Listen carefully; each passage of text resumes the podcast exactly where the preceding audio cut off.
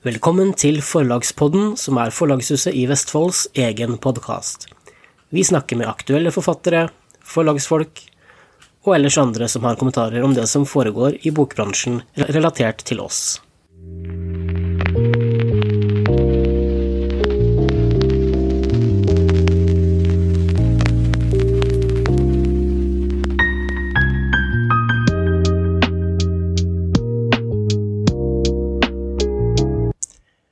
Da ønsker jeg velkommen til andre episode av Forlagspodden.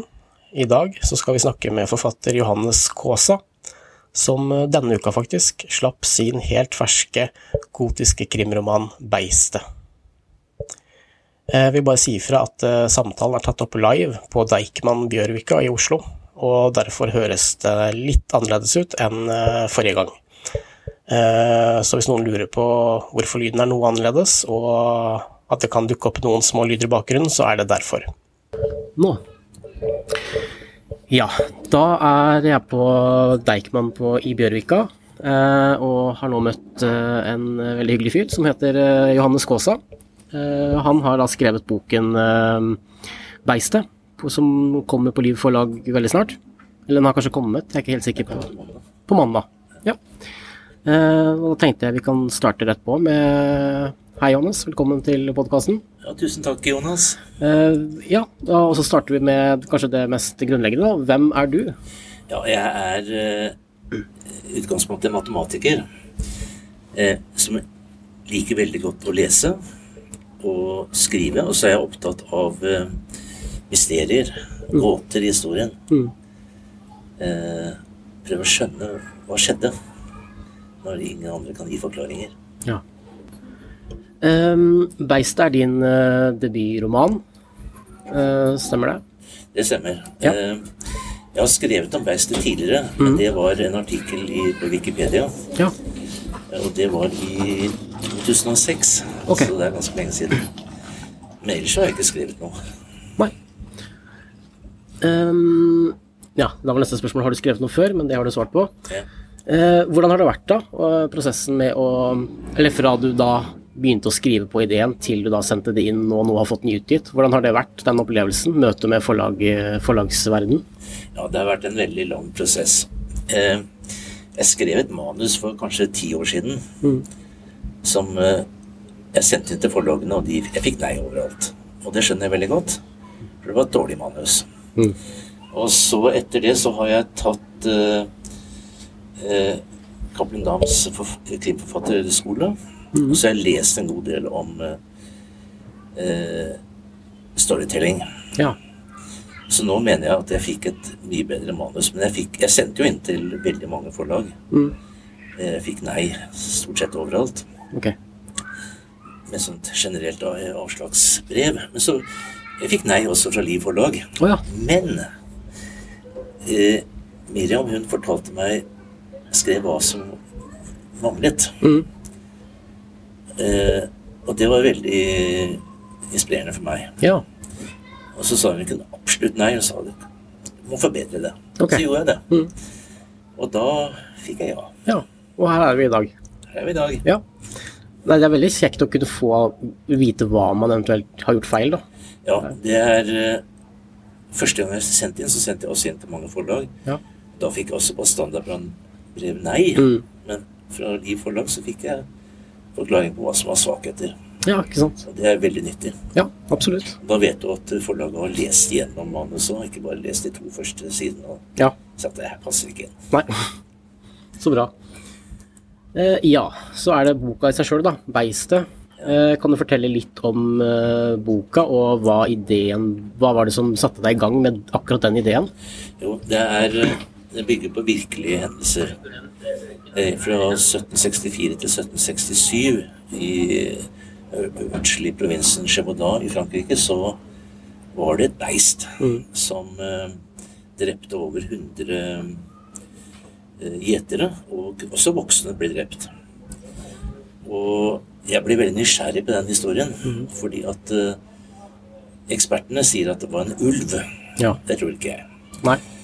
Og de som bodde der nede, som så beistet, de var veldig vant med ulver. Mm. Eh, og de sa at det er ikke en ulv. Nei. Og jeg tror på det.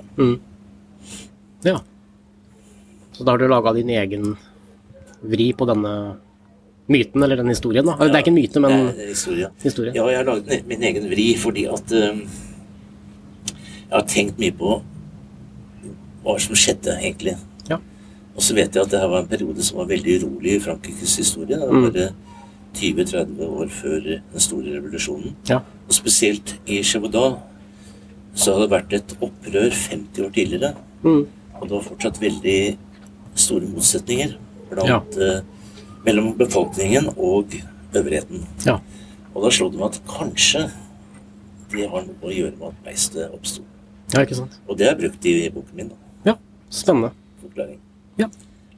Så, bra. så her er det bare å lese boka, folkens. Så kan man få én mulig forklaring på hva dette her var. Ja, altså jeg, jeg kommer med én mulig forklaring, og det er en roman, da. Ja. Så jeg, jeg, jeg kan ikke si at det er eh, den endelige forklaringen. Nei. Men jeg kan i hvert fall si at jeg er 99% sikker på at det ikke var en ulv. Ja. Så bra. Kjempespennende. Ehm, ja, og da denne den historien, uh, beist i Gøvedan, er det uttaler? Chevaudan, ja. Jeg har ikke hatt fransk, jeg er ikke uh, Og blant annet kong Ludvig den 15., stemmer det? Ja, han uh, satte disse hendelsene på agendaen og sendte jaktlag for å uh, fikse problemet, da. Eh, så det, det slår meg at du har gjort ganske mye research på denne boka, eller? Ja, det har jeg gjort. Jeg, jeg eh, har lest veldig mye bøker om det som skjedde. Ja. Og så for noen år siden så dro vi ned til eh, Chevaudan Mm. og drev litt research der. Ja. Og der eh, snakket jeg annet med lokale mennesker Mm. som husket Eller de hadde hørt fra tidligere generasjoner Ja. forfedrenes forklaringer på hva det kunne være. Ja. Og den, de forklaringene fester jeg ganske stor tiltro til. Mm. Så det bruker jeg som grunnlag for boken. Ok. Eh, Istedenfor å høre på eksperten i Paris og Ja, ikke sant. som tror de vet det. Mm. Så det beistet er fortsatt en levende ting, altså i overført, overført betydning der nede? Ja, det er det. Eh, Det er eh, statuer over det som skjedde. Mm. Eh, Det er museer for beistet, Ja. og folk snakker om det. Ja. Selv om det er eh, Nå er det jo flere hundre år siden. Mm. Men det var jo i lite bondesamfunn hvis La oss si 150 personer blir drept, Ja. så er det ganske dramatisk Ja, ja. for det samfunnet. Absolutt. Ja. Nei, Det er en sånn historie jeg skal se nærmere på også, etter å ha lest boka di. For jeg syns det er kjempeinteressant. Og igjen, jeg har, jeg har ikke Jeg har ikke jeg er usikker på om jeg egentlig hadde hørt om det før jeg ble var boka di, da, eller ble klar over boka di. Ja, det var helt tilfeldig at jeg ble var over det òg. Fordi at eh, jeg kjøpte en bok om uh, ulvejakt i Frankrike på 1700-tallet. Ja. Da leste jeg tilfeldigvis om det. Mm. Og da ble jeg veldig fascinert. Ja. Og så begynte jeg å skrive den artikkelen for Wikipedia, og da måtte jeg jo samle mer informasjon. Det er ikke sant. Spennende. Ehm, jeg så på Facebook i går at du signerte forhåndsbestilte bøker eh, på hos Nordli.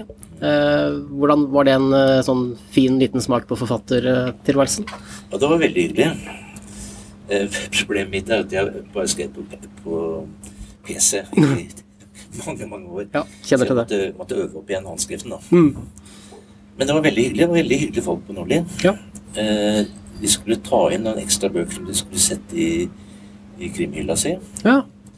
Og så fikk jeg en flaske vin av dem. Ja, det var veldig koselig. Mm, trivelig. Um, nå kommer boka ut på mandag, eh, så det har ikke kommet så mange omtaler ennå. Men er du spent på hvordan den blir tatt imot? Jeg er veldig spent. Eh, jeg håper at det kommer en del omtaler, og så får jeg se, da. Ja. Hva folk syns. Mm, Det er sånn at eh, smak er veldig forskjellig. absolutt. Og noen liker den type krem, noen liker den type krem. Ja. Så det er ikke alltid at uh, en anmelder At man treffer anmelderen. Nei, det er sant.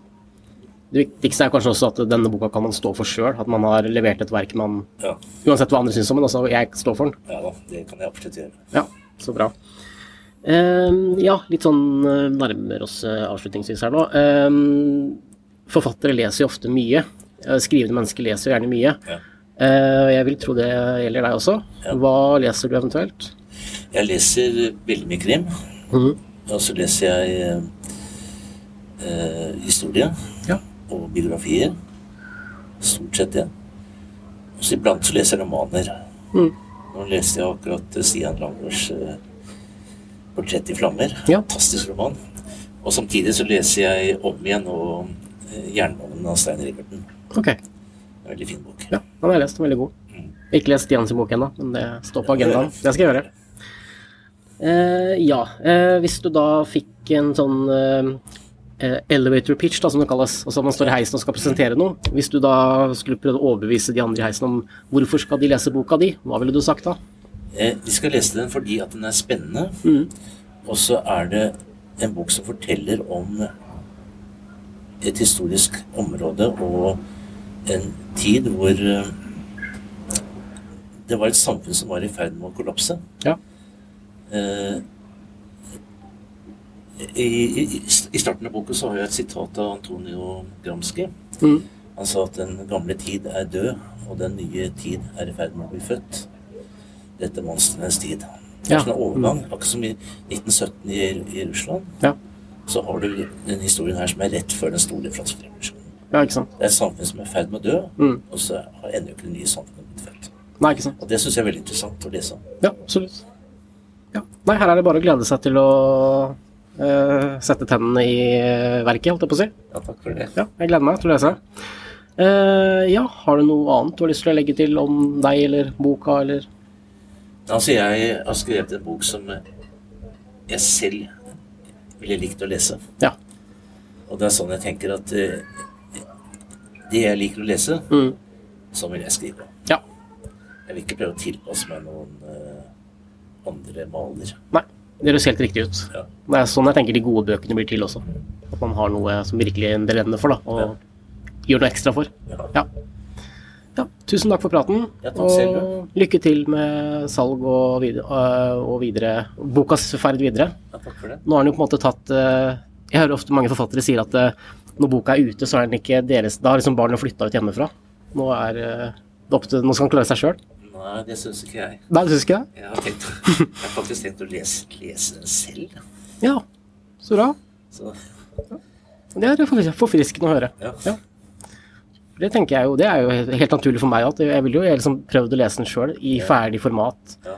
For det er noe annet å lese en bok i perm enn å lese den som et dokument. Altså, når du skriver, så skriver jeg Jeg jobber jo med avsnitt. Ja. Og det er lenge siden jeg har lest hele boka i ett. Mm. Så det vil jeg gjøre. ja. Da kan det bli en spennende opplevelse, det òg, for Ja, deg. Ja, takk skal du ha. Ja, takk selv. ja. Takk, ha det. Um, Beistet kan bestilles på forlagshuset i vestfold.no slash nettbutikk, altså i forlagets eh, egen nettbutikk, eller bestilles gjennom de butikkene der du vanligvis handler bøker. Da håper jeg vi høres neste uke, da vi tar en prat med en ny forfatter. På gjensyn.